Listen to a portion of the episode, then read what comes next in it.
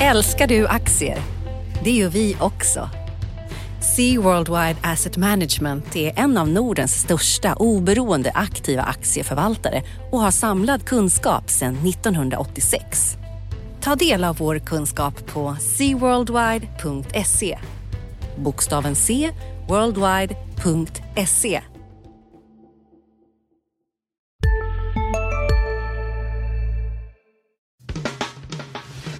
Analyspodden från Dagens Industri.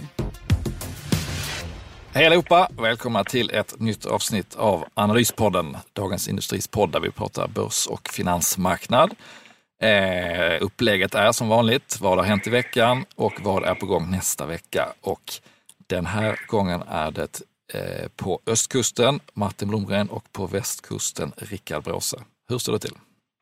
Mycket bra. Ska vi börja prata lite om börsen i allmänhet innan vi går in på, eh, på de eh, viktiga händelserna i veckan och det som kommer? Det tickar på ganska mycket sidledes efter en lång, lång Trumpledd uppgång eh, och vi har inte så långt kvar till börsrekordet i Stockholm. Men eh, vad är din magkänsla? Kommer vi att bryta igenom det eller står vi inför en eh, nedgång? Jag har ju trott det senaste halvåret att, att imorgon, så, imorgon vänder det ner och det har ju inte varit så där jätteklokt att ha den, den uppfattningen för det har ju bara gått rakt upp. Men till, Men nu till slut kommer du få rätt, så mycket kan vi ju säga. Till slut kommer jag få rätt. Eh, OMX30 har väl 8% kvar upp till rekordet från våren 2015 på 1720. Eh, jag vet inte, kommer vi komma hela vägen upp dit? Nu är det inte så långt, långt kvar. Samtidigt så, eh, ja, jag, jag har inte förstått den här uppgången hittills så att eh, det, jag blir inte mindre övertygad om att vi närmar oss toppen och ska snart vända ner än vad jag har varit. Så. Nej, det, man... jag, är, jag, är en stor, jag är en stor börsskeptiker i vanlig ordning. Ska jag, mm, jag är inte lika skeptisk, men jag är ändå inne på spåret att, eh, att vi kommer nu till en svagare säsongsmässig period och vi har haft en uppgång som är väldigt ledd av förhoppningar på vad Trump ska göra och att man har liksom skakat av sig all politisk oro.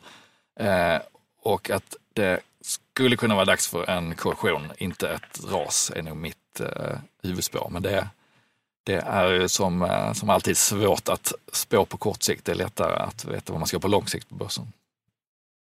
Men eh, det, vad det handlar om nu är ju på kort sikt är att vi, när vi spelar in här på förmiddagen på fredag så sitter man ju och väntar in eh, sysselsättningssiffrorna från USA som kommer i eftermiddag. Och de kommer ju att vara, om de är starka, en, en, eh, ett klart tecken för en ny Fed-räntehöjning på onsdag nästa vecka. Eh, och då kommer det väl att ställas på sin spets lite grann hur optimister och pessimister eh, till börsen eh, ställer sig till att räntorna, eh, både de korta och långa, är på väg upp och eh, att, att förhoppningarna på Trump har drivit upp börsen till en nivå som kanske blir svår att växa in i med vinsterna. Får vi väl se. Men, men det är väl fredagens stora händelse att, att sysselsättningssiffrorna kommer på fredagen. Ja, men då, får jag, då vill jag gissa att börsen kommer vända ner efter nästa vecka. Mm. Efter Fed-beskedet eller? Ge dem hela veckan att smälta. Eh, ge dem torsdagen och fredagen också och helgen att smälta där så vänder det alltså ner veckan efter en gång. Mm. Måndag, tisdag. Mm. Ja, det får se. Man kan väl konstatera att när man köper på höga värderingar, har gått upp länge, så är det ju enkel matematik att det är ju svårare att få en bra avkastning om man ska sen ligga kvar i 5-10 år. Att eh, det, det, är ju lättare att gå in på lägre nivåer. Det kan, kan väl i ett barn räkna ut, men, men man tenderar ju att, eh, att dras med i optimismen och köpa på höga nivåer, höga multiplar och sen eh, blir man förvånad när den vänder ner. Så att, lite försiktighet eh, tycker jag att, eh, att man ska ha här. Det är det som man brukar kalla risk-reward. är kanske inte jättebra om man går in med allt kapital just nu, utan eh, jag föreslår nog att man viktar ner lite och har lite, lite torrt krut ifall det blir en korrektion och kan gå in igen i sina favoritaktier. Men vi får se. Men eh, du är nyss hemkommen i ETI, men du har varit nere i Barcelona på telekommässa. Berätta, vad är dina största intryck därifrån? Ja, det, det man kan konstatera är ju att att det som sticker ut är att ingenting sticker ut i mobilvärlden längre. För att den stora snackisen blev den här återlanseringen av Nokias vintage-telefon, eh, 3310 heter den väl. Mm. Eh, medan alla smartphones mer eller mindre ser exakt likadana ut idag. Och det finns ju en uppsjö av tillverkare som man liksom aldrig hört talas om. Varje land med själv, självaktning har väl egentligen en eh, telefon. Och det var ganska talande när Huawei, de är tredje störst på, på smartphones i världen, när de prat, hade sin presentation på söndagen så hade de upp en designbyrå som pratade om eh, den nyans av grön som man hade valt till eh, årets färg. Det pratar man om sådär en kvart, 20 eh, minuter. Det, jag tycker det säger en del om, om problemen man har med att, med att sticka ut för att när alla har tre kameror, vad mer ska man göra när, när de är så lika varandra? Så mm. Det är det ena. Den, av de stora tillverkarna som släppte telefoner så tror jag gillar den här LGs G6-telefon bäst. De, de vågar ändå, de har ju bytt format på själva skärmen. Det är ju alltid pluspoäng när man, eh, när man vågar att göra saker. Eh, men eh, ibland så straffar det sig också att gå emot ström. Jag vet inte riktigt hur det blir med, med liksom, man ska se på video sådär i, i ett format som inte är det gängse så att säga. Ja, men utseendemässigt det... är de ju otroligt lika, så att, att, att hålla en stor prisskillnad då, som Apple och till viss mån Samsung har gjort eh, måste ju bli tuffare framöver om inte man lyckas eh, differentiera sig mer från en lågpristillverkare som har en telefon som ser exakt likadan ut och speciellt om man är i Android eh, mm. ekosystemet där det är samma programvara eller samma gränssnitt mot utåt så spelar det inte så himla stor roll vad det är för tillverkare av hårdvaran om den ser precis likadan ut. Så det kanske är dags för eh, telekomvärlden att skaka fram något, eh, något nytt utseendemässigt. Ja. Vad Eller för någon form av större konsolidering kanske. Mm. Det kommer väl krävas. Ehm, LG då som jag nämnde, de, där har det ju varit prat om att de ska helt överge telefonerna. Men det har de ju inte varit villiga att göra än så länge i alla fall. Men det får man se. Men som svensk där nere så blir man ju också lite... Folk tittar lite konstigt på när det man springer runt och frågar alla om eh, eh, eh biometri och fingeravtryckssensorer och sådana saker. Eh, smockan hängde väl i luften när man var borta som liksom 103 personen och pratade med korttillverkarna om, om vad de har för fingersensorer i sina demonstrations kort. Ehm, men det är ju stort intresse runt Fingerprint Cards och ehm, så det var också intressant att se där. De dominerade ju på mobilsidan i vanlig ordning, även om de fick släppa in godis hos, hos Huawei då. Men ehm, ja, Mm. Man kan ju konstatera att blankarna är inte övertygade när det gäller Fingerprint. Senaste siffran är att de är uppe på nästan, att nästan 18 procent av aktierna är blankade och eh, enligt Holdings då, som, som man ställer statistiken så är det bara Elekta som, eh, som har varit högre under deras eh, mätningar. och, det är ju på decimal, och det är på decimalen nu det skiljer mellan ja. Elekta-rekordet och där som Fingerprint befinner sig nu, om man ska komma ihåg att när Elekta var på den nivån, då var man det mest blankade bolaget i hela Europa. Jag har inte kollat upp nu om Fingerprint är det, men det är de förmodligen och de är, för, det är förmodligen en av de mest blankade aktierna i hela världen för närvarande. Mm. Nej, de är det, det, det, är intressant för att, att det finns en liten del som blankar. Det, det, så är det ju i många bolag och det kan ju vara att man tar ett, eh, ett bett jämfört med en konkurrent, att man köper den ena, går lång en, en aktie och går kort den andra och så vill man tjäna på att eh, mellanskillnaden förändras även om inte branschen i sig eh, genomgår någon förändring. Men när det börjar komma upp på de här nivåerna, 18 procent av aktierna, då, då är det någon som är, har en väldigt tydligt bett på att det ska gå ner och man tar en ganska stor risk när man blankar för kommer det en positiv nyhet eller uppköp eller vad den kan vara så, så sitter man ju med foten i rävsaxen. Så att de är ju väldigt, uppenbarligen väldigt övertygade om att, de är, eh, att det ska fortsätta ner i, i, i Fingerprint. Ja, om jag skulle sitta som en privatsparare och äga aktier i Fingerprint så man måste ju förstå att edgen man skulle ha mot de här stora firmorna som har enorma analysresurser, den är ju förmodligen inte så där jättestor utan förmodligen så vet de mer om vad man själv gör i det här läget. Och det som gör det ännu mer oroväckande då är att detta är en aktie som har tappat um, en fjärdedel eller en tredjedel av börsvärdet bara 2017 efter ett uselt 2016. När, när de går in och, och liksom dubblar eh, den andelen blankat kapital under en period när aktien är ner 25-30 procent det är ju ett tecken på att de verkligen har en övertygelse om, mm. att, om att det kommer komma motgångar för det här bolaget. Man ska nog se det som ett bett på att de ifrågasätter Fingerprints Cards långsiktiga liksom, existensberättigande mer eller mindre. Mm. Deras möjligheter att ta fram, hänga med tekniskt eh, längre fram. Men även, även kortsiktigt, de, de har inte alltid rätt, det ska man ju säga, men, men man kan utgå från att de har eh, örat mot rälsen och har varit ute och stämt av i marknaden med i hela leverantörsledet och, och uh, hur det ser ut med lagernivå och sådär innan de gör en sån här uh, jättesatsning. Så att, de, ser, de ser ju någonting som inte är bra. Sen om de får rätt eller inte, det, det får vi se. De kanske får bita i äpplet, men det blir intressant att se. Men det är intressant att titta också på den här blankningsstatistiken. Elekta är ju en sån aktie som har varit med där väldigt, väldigt länge. Och det var ju en sån där det kom en total urblåsning för ett par år sedan var det väl. Mm. När de missade prognoser stup i kvarten och det var inte någonting som fungerade. De sparkade en VD efter ett, bara ett år och sådär. Den är ju fortfarande med på den här listan.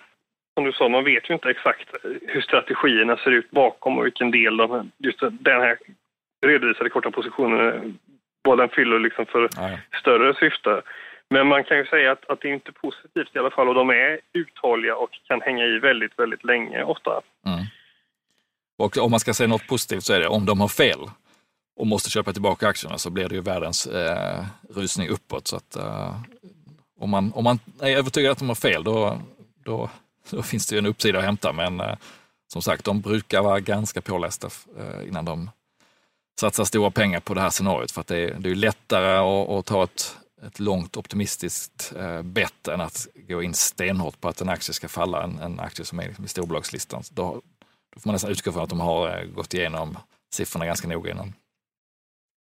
Detta mm. om detta. Du, innan vi lämnar Barcelona, du träffade också Nokias ordförande och eh, skrev en väldigt intressant intervju tyckte jag. Det var roligt att höra. Eh, det är ju för övrigt, ehm, han var ju styrelseordförande, han är fortfarande styrelseordförande i F-Secure som är bolaget han grundade, så han är ju gammal chef till Fingerprint Cards eh, VD också, så eh, vet man det. Men han har gjort det som många teknikbolag ställs inför, nämligen att man måste återuppfinna sig själv på nytt och det har ju Nokia verkligen gjort under hans ehm, under hans ordförandeskap. De var ju nere, verkligen nere för räkning. Jag vet inte om domaren hade sagt 7, 8 eller 9 när de förlorade oerhört mycket mm. pengar på mobiltelefonerna. De lyckades sälja mobiltelefoner som egentligen ingen trodde hade något värde, eller väldigt få personer trodde hade någon form av värde. Och sen har, har de då gått över och på nät istället. Först så köpte de eh, den delen de inte ägde i Nokia Siemens Networks och sen eh, har Sista dagarna nu på vårens stora season sale. Passa på att göra sommarfint hemma, både inne och ute och fynda till fantastiska priser. Måndagen den 6 maj avslutar vi med Kvällsöppet i 21. Välkommen till Mio. CSRD, ännu en förkortning som väcker känslor hos företagare. Men lugn, våra rådgivare här på PWC har koll på det som din verksamhet berörs av. Från hållbarhetslösningar och nya regelverk till affärsutveckling och ansvarsfulla AI-strategier. Välkommen till PWC de gjort den jätte, jätteaffären med Alcatel-Lucent. Så det är en intressant eh, resa som han har gjort där och har många, han har många intressanta idéer om hur mm. man ska bedriva verksamheten. Mm, ja, stark rekommendation på att läsa den. Eh, får jag bara fråga på Barcelona, innan mässan så fanns det en del förhoppningar om att nu kommer Ericsson att komma med eh, stora strategiplaner och det fanns en del eh, analyser som var optimistiska och tänkte att, att det skulle vända uppåt där. Eh, sen har jag inte sett så mycket i nyhetsväg från, från Ericsson. höll de låg profil där nere eller hur ser det ut? Ja, som bolag höll de ju inte låg profil. De hade ju en jättemonter där de visar upp alla möjliga produkter och tjänster som de har liksom inför Internet of Things och 5G och sådär. Men managementmässigt var det ju inte mycket livat. De ligger lågt med vad de ska ta vägen helt mm. enkelt. Mm. Frågan är, nu skrev ju Mikael Wilenius idag om att han inte tyckte att, att uh, Ericsson är rätt väg att gå för Cisco, men det är många som hoppas att Cisco är rätt väg att gå för Ericsson. Mm. Um, frågan är, Finns det liksom någon form av förhandlingar med Cisco eller finns, har de affärer på gång? Är det därför de har så låg profil eller är det så att de faktiskt inte riktigt vet vad de ska ta sig till? Och det är det som gör att man, man, man ligger lågt helt enkelt. Ja, det, det, kan vi konstatera. Det är många lösa trådar fortfarande i Ericsson. Idag på fredagen kom de med eh, den här omorganisationen som Börje ärvde av eh, Hans Westberg i nya affärsområden. kom de med siffror för det och det är väl eh, godis för en analytiker att sitta och räkna om gamla siffror men totalen förändras ju inte av det så att det är väl inget nytt att rapportera på det sättet. Men eh, ja, det blir spännande att följa Ericsson i år. Men ska vi hinna beta av lite mer vad som har hänt i veckan? Eh, oljepriset har man ju nästan glömt bort att det är någonting som kan svänga, men i veckan så kom då eh, stigande lagerstatistik i USA och eh, en del OPEC-chefer som har varit ute och vacklat, det var men pratat om att, att det är mest skifferproducenterna i USA som tjänar på att de har lyckats Eh, hålla ner utbudet i, i, inom OPEC och eh, oljepriset föll med 4-5 procent i onsdags och sen har det stabiliserats lite. Men, men det här historiska avtalet om att, att begränsa produktionen som de, som de kom överens med i slutet på förra året, det, är väl lite, det knakar väl lite i fogarna, får man får säga. Och samtidigt så ser man då hur produktionen i USA och de här eh, riggarna, rig-counten, hur många aktiva riggar som är igång och pumpar i USA, stiger vecka efter vecka och nya siffror kommer då på som vanligt på fredagskvällen.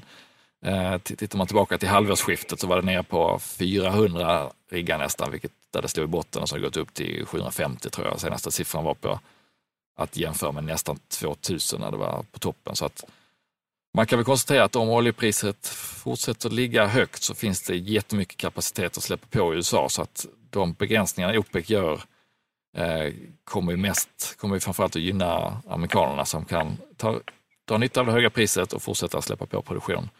Vilket talar för att, att det kan bli fler sådana här stora dagsfall eller att uh, åtminstone hålla tillbaka en, en ny uppgång. Det är väl det, mm. en, en slags sammanfattning på veckans oljemarknad. Så man ska nog se det där OPEC-neddragningen som snarare att man har satt en botten för priset mm. än, att, än att det ska vara någonting som får priset att sticka iväg jättelångt. Det är nog så man måste se på det för att som du säger, USAs USA-oljan är den nya liksom swingfaktorn i, i, i den här ekvationen. Så det blir nog inte så där jättemycket högre oljepriser i närtid. Om det nu inte... Sen har du ju en, en jättejoker i, i, i vad det tar vägen politiskt med eh, den amerikanska presidenten som ju inte verkar vara eh, konflikträdd. Blossar upp någonting i Mellanöstern där så, eh, så kan ju vad som helst hända såklart. Mm. Ja men så är det och det som är väldigt intressant för de som inte bara är beroende av oljan är ju att eh, det vore ju fint för de flesta industribolag om oljan kunde åtminstone stabiliseras på den här nivån eller lite högre för då skulle viljan och eh, modigheten att sätta igång investeringar öka. Om, det, om vi får se flera sådana här kraftiga kursraser det det fortsätta ner mot 40 dollar så, så blir nog många försiktiga igen och vill inte dra på med de investeringar som man kanske hade så smått börjat eh, fundera på igen. Så att, ur den aspekten blir oljepriset viktigt för hela industrisektorn, men, men det krävs ju mer fall än bara den här veckans eh, stora endagsnedgång för att man ska ändra på trenden att det faktiskt har eh, planat ut på en lite högre nivå. Eh, något annat i veckan som du tycker att vi inte borde låta bli att rapportera? Det kanske inte är så många andra som går igång på det, men jag gjorde det i alla fall när eh, Investor gick, gjorde en liten kursomläggning och sa att man skulle börja redovisa uppskattade marknadsvärden på sina onoterade innehav. Främst handlar det om Mölnlycke Healthcare. Eh, men det finns även övervärden på några miljarder i, i Permobil, men den stora delen är Mölnlycke och där, där har man 21 miljarder som man bokför idag på det här bolaget och det är väl ingen som har under det dubbla värdet på det tror jag. Och, och, den som har högst av analytikerna tror jag ligger på 60 eller 61 miljarder. Så det är stora värden som kommer att tydliggöras när de sätter en, eh, en marknadsprislapp eh, på, på det här. Eh. Hur kommer de att göra värderingen och kommer den att presenteras varje kvartal eller är det en årsvis genomgång? jag har förstått det som att de kommer göra det varje kvartal och då, de kommer göra som Latour ungefär gör, tror jag, att man helt enkelt tar uh, multiplar för motsvarande bolag, motsvarande noterade bolag. Och så laborerar man med det helt enkelt och presenterar väl då någon form av genomsnitt från någon korg av eh, konkurrenter. Det är upp lite till, till var och en då liksom. Det är liksom ingenting som är hugget i sten såklart vad värdet är och det spänner ju redan idag mellan vad, tar, tar du Coloplasts multipel så får du liksom ett annat svar på frågan vad Mölnlycke är värt än, än om du tittar på ett bolag som de mer konkurrerar direkt med som Smith Nephew till exempel. Mm. Så, eh, men klart är att jag tror att det kommer vara väldigt positivt för Investor-aktier. Dels för att det liksom blir tydligt med, med vad, vad den verkliga substansrabatten är. Den ligger, I mitt lilla Excel-ark så är den 21 procent idag. Jag har ganska låg, eller jag har nog ett hyfsat försiktigt värdering där i på 47 miljarder på, eh, på Mölnlycke och 3 miljarder på Permobil bland annat. Då. Eh, men det är också intressant för de har ju historiskt varit väldigt ointresserade av att diskutera sin värdering, diskutera rabatten och sådana frågor som andra investmentbolag mm. ser som sina fiender. Är detta en omläggning mot, vad ska man kalla det, för ett mera aktieägarvänligt Investor som faktiskt tar strid mot, mot, um, mot en låg värdering och, och då en, en hög rabatt eller litet steg i den riktningen tolkar jag det här som och det är intressant. Och då får vi i nästa rapport för första gången se vad Mölnlycke enligt Investor själva är värt. Är det så? Vad, vad Investor tolkar ja. att marknaden skulle kunna tycka att det är värt. Så att ja. De skriver i sitt pressmeddelande att det här är inte våran uppfattning. Det här kommer inte vara våran uppfattning. Våran uppfattning av, av vad bolagen är värda kan ju starkt avvika då mm. ifrån, ifrån vad, vad marknaden sätter pris, pris på liknande bolag. Fair enough. Um, också i veckan som gått tycker jag vi ska ta upp att eh, februariförsäljningen på kläd och skomarknaden har presenterats. Eh, och det var ytterligare en svag månad, minus 6 procent på kläder. Eh, men ett, ett, en brasklapp här är då att det var skott då förra året, så att det var en dag mer i, i, februari. Men även om man rensar för det så är det ju fortsatt eh, ganska svag eh, klädförsäljning och eftersom februari är sista månaden på kvartalet. De flesta klädbolag har brutit i år så att eh, december, januari, februari är det kvartal de kommer att rapportera av snart. Så kan man ju konstatera att det har varit en tuff marknad eh, i princip hela kvartalet. Ganska mycket kampanjer under julen och efterspelet till Black Friday och sen så har januari, februari varit nedgångar på marknaden. Och Eh, för de svenska bolagen så är ju den här STIL, eh, Svensk Handels siffra då eh, relevant. För H&M så är det ju en ganska liten del numera som är på svenska marknaden, men Även i Tyskland så kommer de här veckosiffrorna visa att det har varit ner i 6-7 veckor i sträck och i USA är det väldigt många bolag som, som, är, som har fysiska butiker som pekar på att trafiken i gallerier och köpcenter har varit väldigt svag under början på året. Eh, och det är e-handeln bland annat som, som stjäl kunder och eh, det, då kan man ju vara hur duktig man vill i sin egen butik om man har den placerad i ett köpcenter där kunderna inte vill gå längre. Så det, det kommer bli en jätteomställning i USA där, eh, där strukturen inte är riktigt som i Europa så att det kommer bli mycket mer brutalt i USA därför att eh, butiksytan med retail, butiksytan med klädhandel per capita är, är eh, flera gånger högre än vad den är i Europa. Så att eh, och, och en kanske snabbare överflyttning till e-handeln samtidigt gör att det kommer bli en enorm utslagning av, eh, av vad ska man säga, dåliga köpcentra. Köpcentra på trista platser eller med butiker som inte håller riktigt måttet och när det börjar bli glest bland, med butiker så kommer det bli en accelererande faktor för då kommer folk ännu mer svika det. Så att där har H&M någonting att bita i, även om de då har kommit in relativt sent på marknaden och kanske valt lägen eh, på ett annat sätt än vad de de som har funnits i USA i 50 år och har varit med på hela köpcenteruppbyggnaden. De kanske har varit överallt. H&M har förhoppningsvis kunnat välja lite mer eh, picky med vad de vill vara. Men, eh, det, så det här är ju faktor, liksom bakgrundsfaktorerna till, till kvartalet som kommer, som kommer visa att det har varit en tuff marknad och eh, fokus på vad, framförallt då, i hennes fall, vad de kan säga framåt om 2017 om planen att intäkterna ändå ska upp och det ska dra med sig marginalen håller blir väl höjdpunkterna i i kvartalet. Det är några veckor kvar till H&M rapporterar, men, men MQ kommer redan på eh, torsdag nästa vecka. Så där har du något att se fram emot. Trevligt. Eh, och om vi tittar mer på nästa vecka, det är rapport från Clas Olsson också, kommer på onsdag och sen så är det naturligtvis Fed-beskedet som är det stora och eh, för de som är politiskt intresserade så blir väl valet i Nederländerna på onsdag, den stora pjäsen. Har du någon prognos på utfallet i holländska valet? Jag eh, försöker undvika att ha prognoser när det kommer till politik. Det verkar som att även de som är riktigt duktiga på det har haft extremt svårt att förutse allt i, som har skett politiskt senaste året. Så nej. Det låter som en klok strategi. Ja.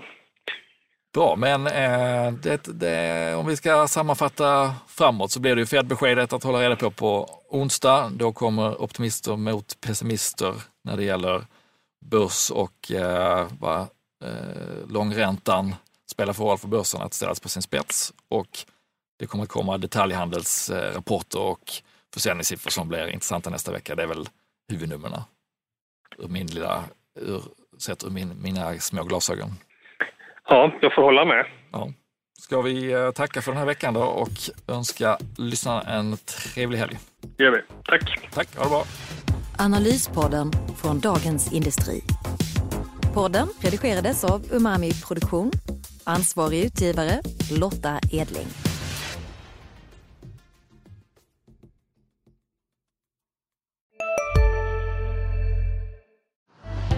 Älskar du aktier? Det gör vi också. Sea Worldwide Asset Management är en av Nordens största oberoende aktiva aktieförvaltare och har samlad kunskap sedan 1986. Ta del av vår kunskap på seaworldwide.se. Bokstaven C, worldwide.se